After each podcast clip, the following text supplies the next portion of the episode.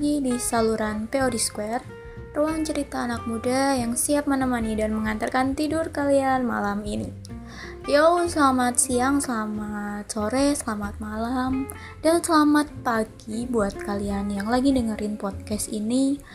Episode kali ini POD Square agaknya sudah tidak tahan untuk menahan beberapa orang-orang yang sedikit reward dengan kasus mewabahnya virus COVID-19 atau COVID-19. Episode kali ini huh, rasanya Body Square ingin membahas tentang orang-orang nih ya yang sukanya bahasin COVID-19 tapi kadang dia itu nggak tahu pandang bulu waktu tempat, orang yang diajak ngobrol, dan masih sering dibikin bercandaan. Jadi, aku nggak tahu ini bakal dikasih judul apa, tapi kita langsung aja ke pembahasan podcast kita malam ini.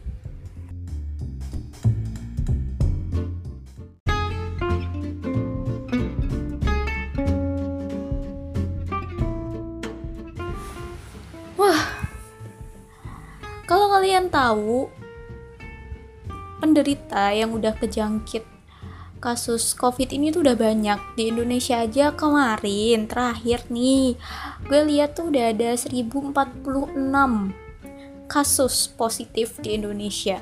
Dan agaknya ini menjadi meresahkan ketika ada orang-orang yang seringnya tidak bertanggung jawab dan membagikan berita-berita yang tidak benar, bahkan justru membuat kepanikan-kepanikan di beberapa tempat-tempat dan sama orang-orang tentunya.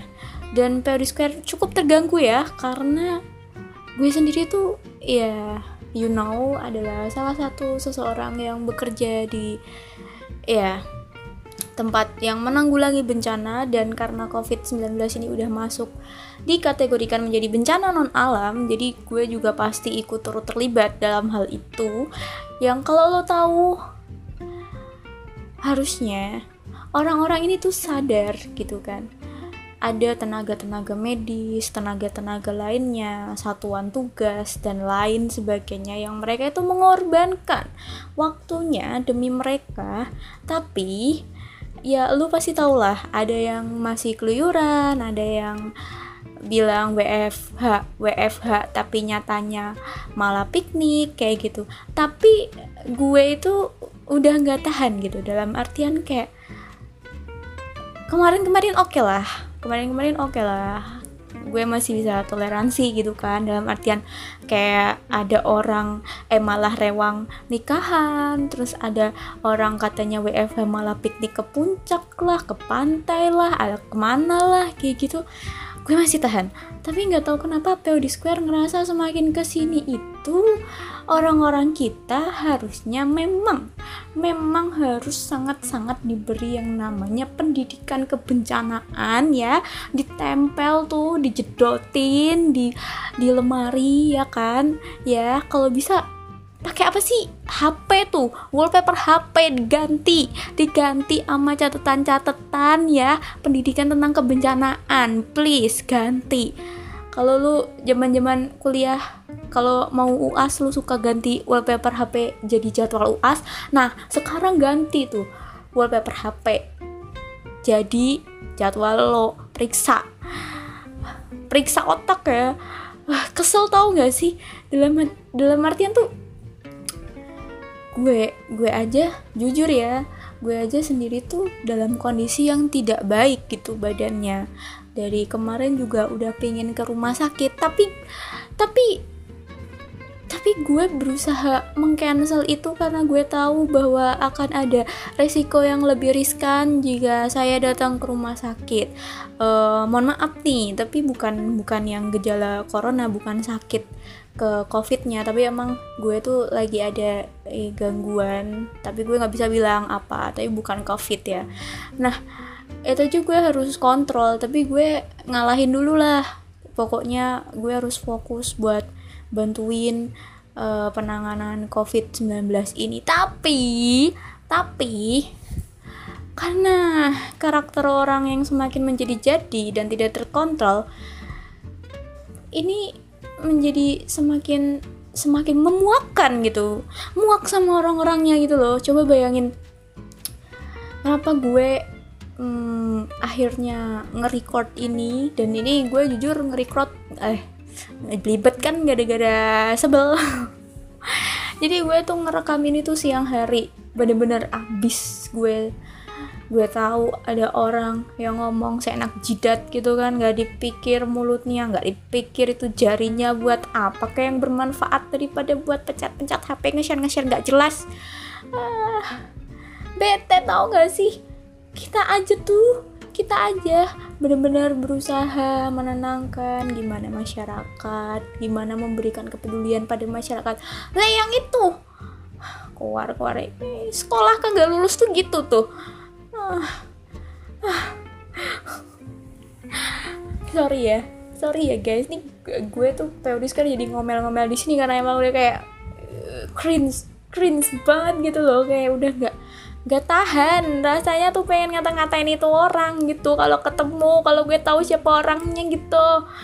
Ah, kenapa gue pakai acara ke nggak kenal sih? Kalau gue kenal gue tahu orangnya mesti udah gue gue uh, gitulah jadi nih.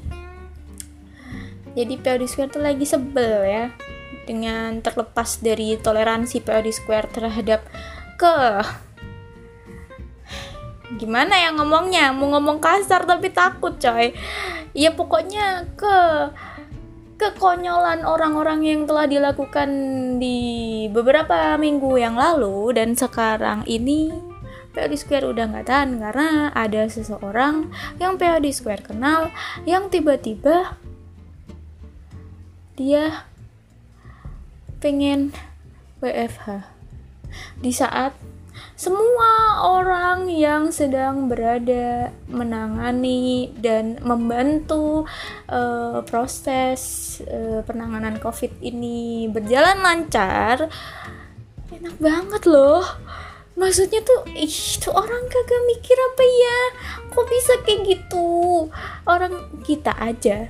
Eh, jujur ya ini terlepas dari isi konten tapi kita aja itu ya lo tau lah pasti tenaga medis aja 24 jam itu masih sip-sipan terus kita juga harus standby 24 jam untuk terus update, update, rapat, update, rapat. Fungsi rapat itu ya buat mengambil keputusan besok mau apa. Lah kalau kita nggak ambil keputusan kan kita nggak akan tahu besok mau ngapain. Maka ada pembagian job, ada fungsi-fungsi yang dibagi gitu loh. Tapi kadang tuh masih ada orang yang kagak ngerti. Gue sendiri aja tuh agak agak gedek rasanya. Iya.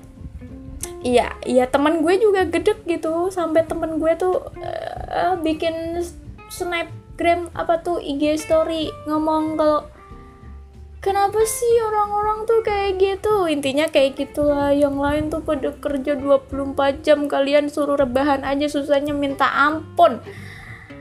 Nih, kalau lo mau cari tips rebahan sukses no di rantai, kaki lo di rantai di kasur. Gemes. Sekalian badan dibalut.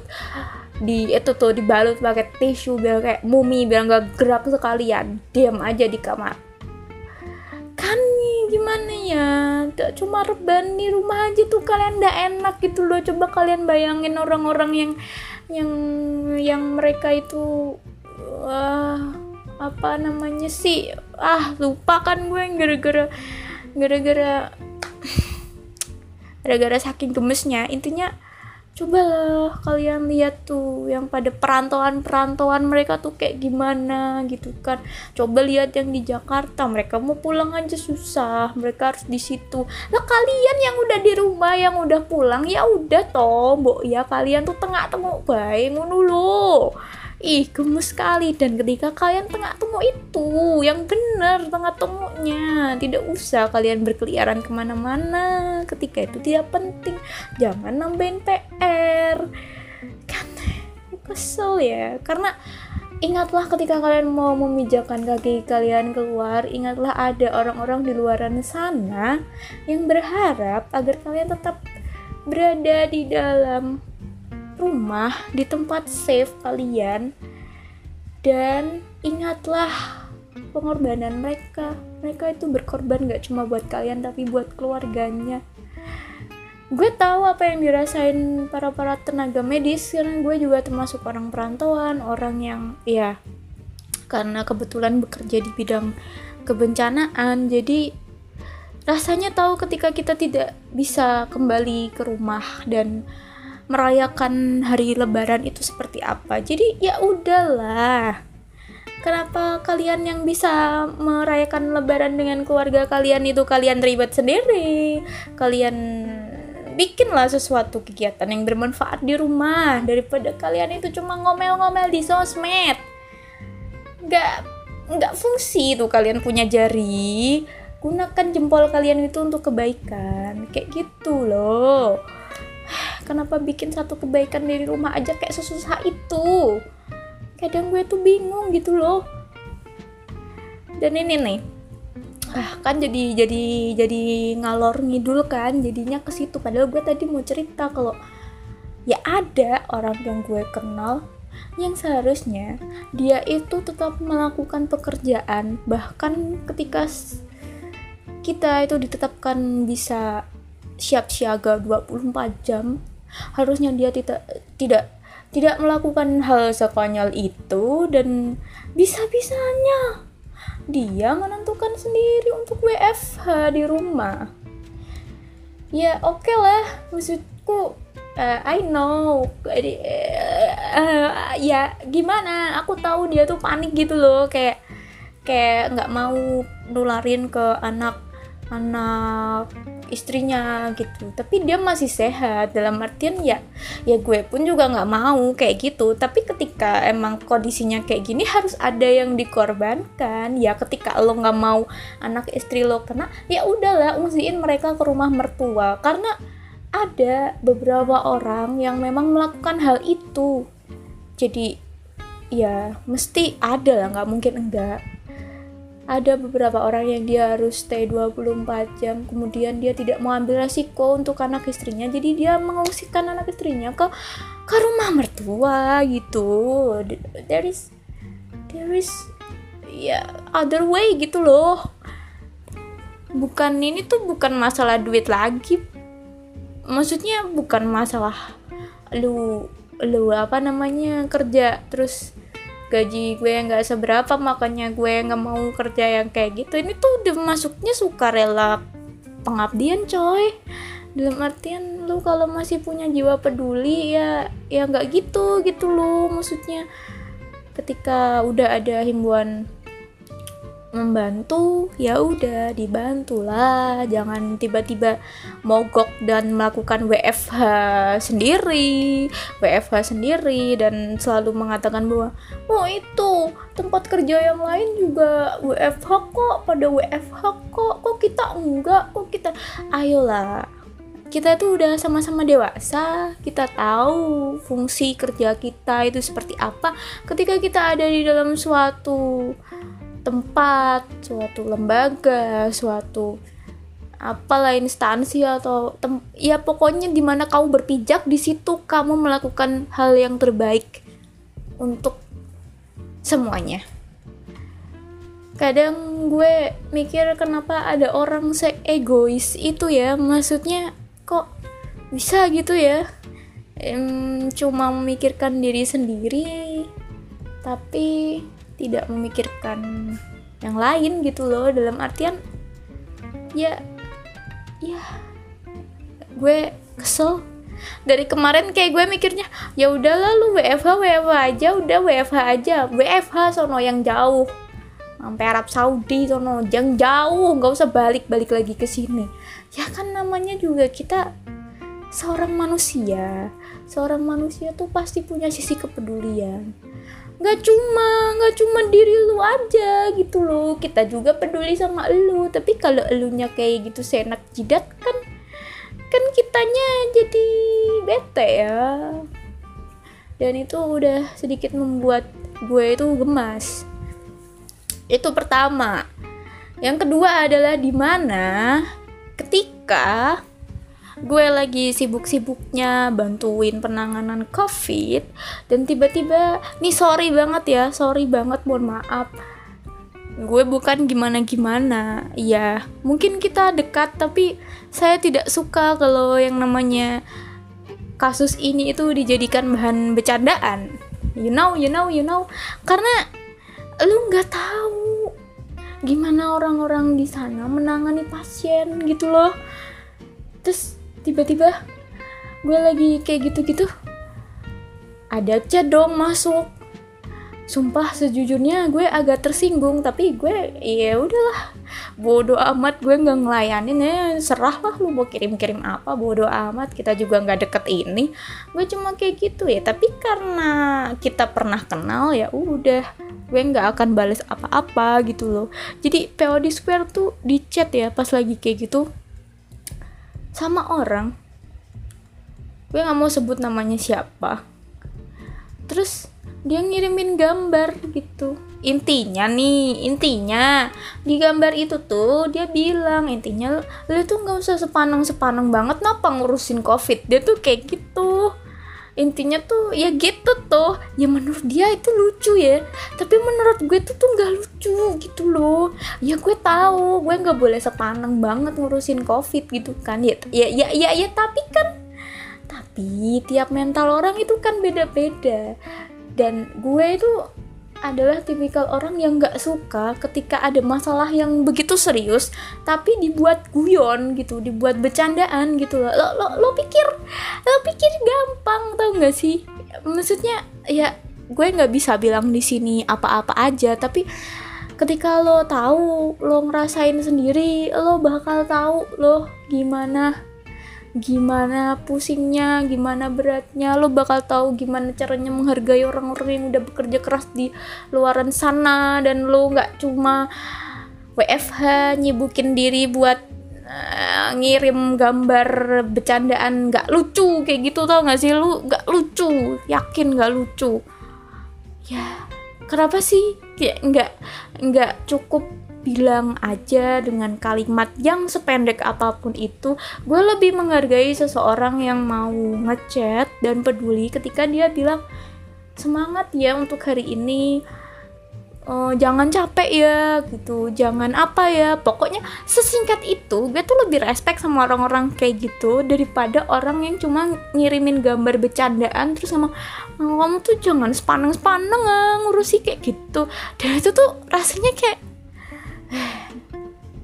you don't know what I feel. Kamu itu harus belajar banyak sepertinya menjadi manusia yang benar bermanfaat berfaedah dan ya gitu. Gak semua gak semua hal tuh bisa jadiin bercandaan coy. Gue aja tuh bacain bacain apa tuh kadang tuh di twitter gitu kan pada bikin bercanda bercanda kayak gitu tuh kadang tuh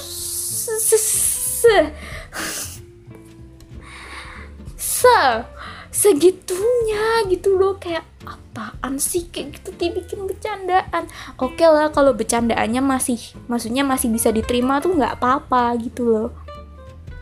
Tapi kalau bercandaannya kayak nyindir kayak apa nada-nada kayak gitu atau kata-kata dengan intonasi seperti itu tuh kayak gue udah nggak bisa terima gitu loh. Kayak lo nggak lucu gak lucu tau gak sih? Nggak lucu sama sekali bercanda loh sama kaca. Sampai pecah. Sampai kacanya ngetawain lu. Gitu. Tapi nggak bakal ketawa karena nggak lucu. Kesel deh. Jadi please lah. Ini buat lo gitu ya.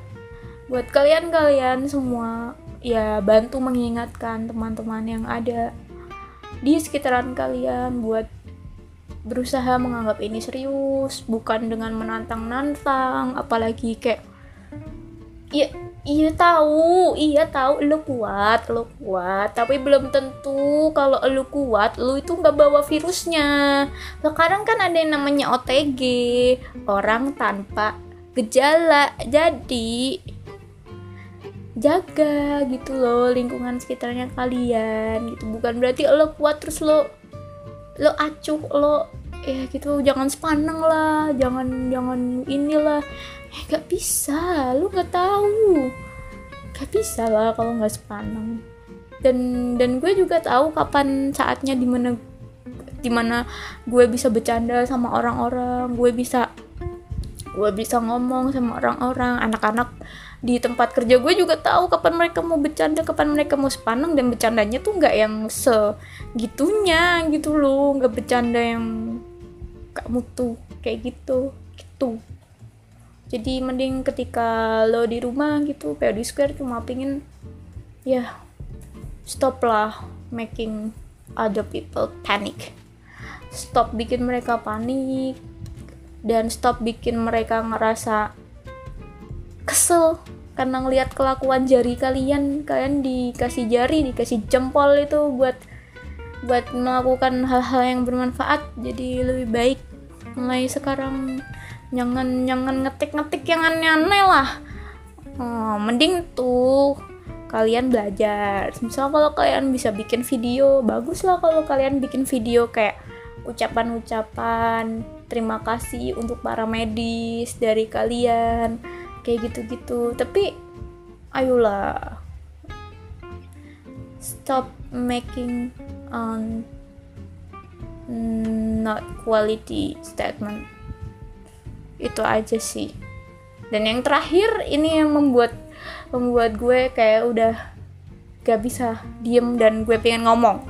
Pengen ngomong sama sesuatu dan mungkin melalui podcast ini gue ngomong.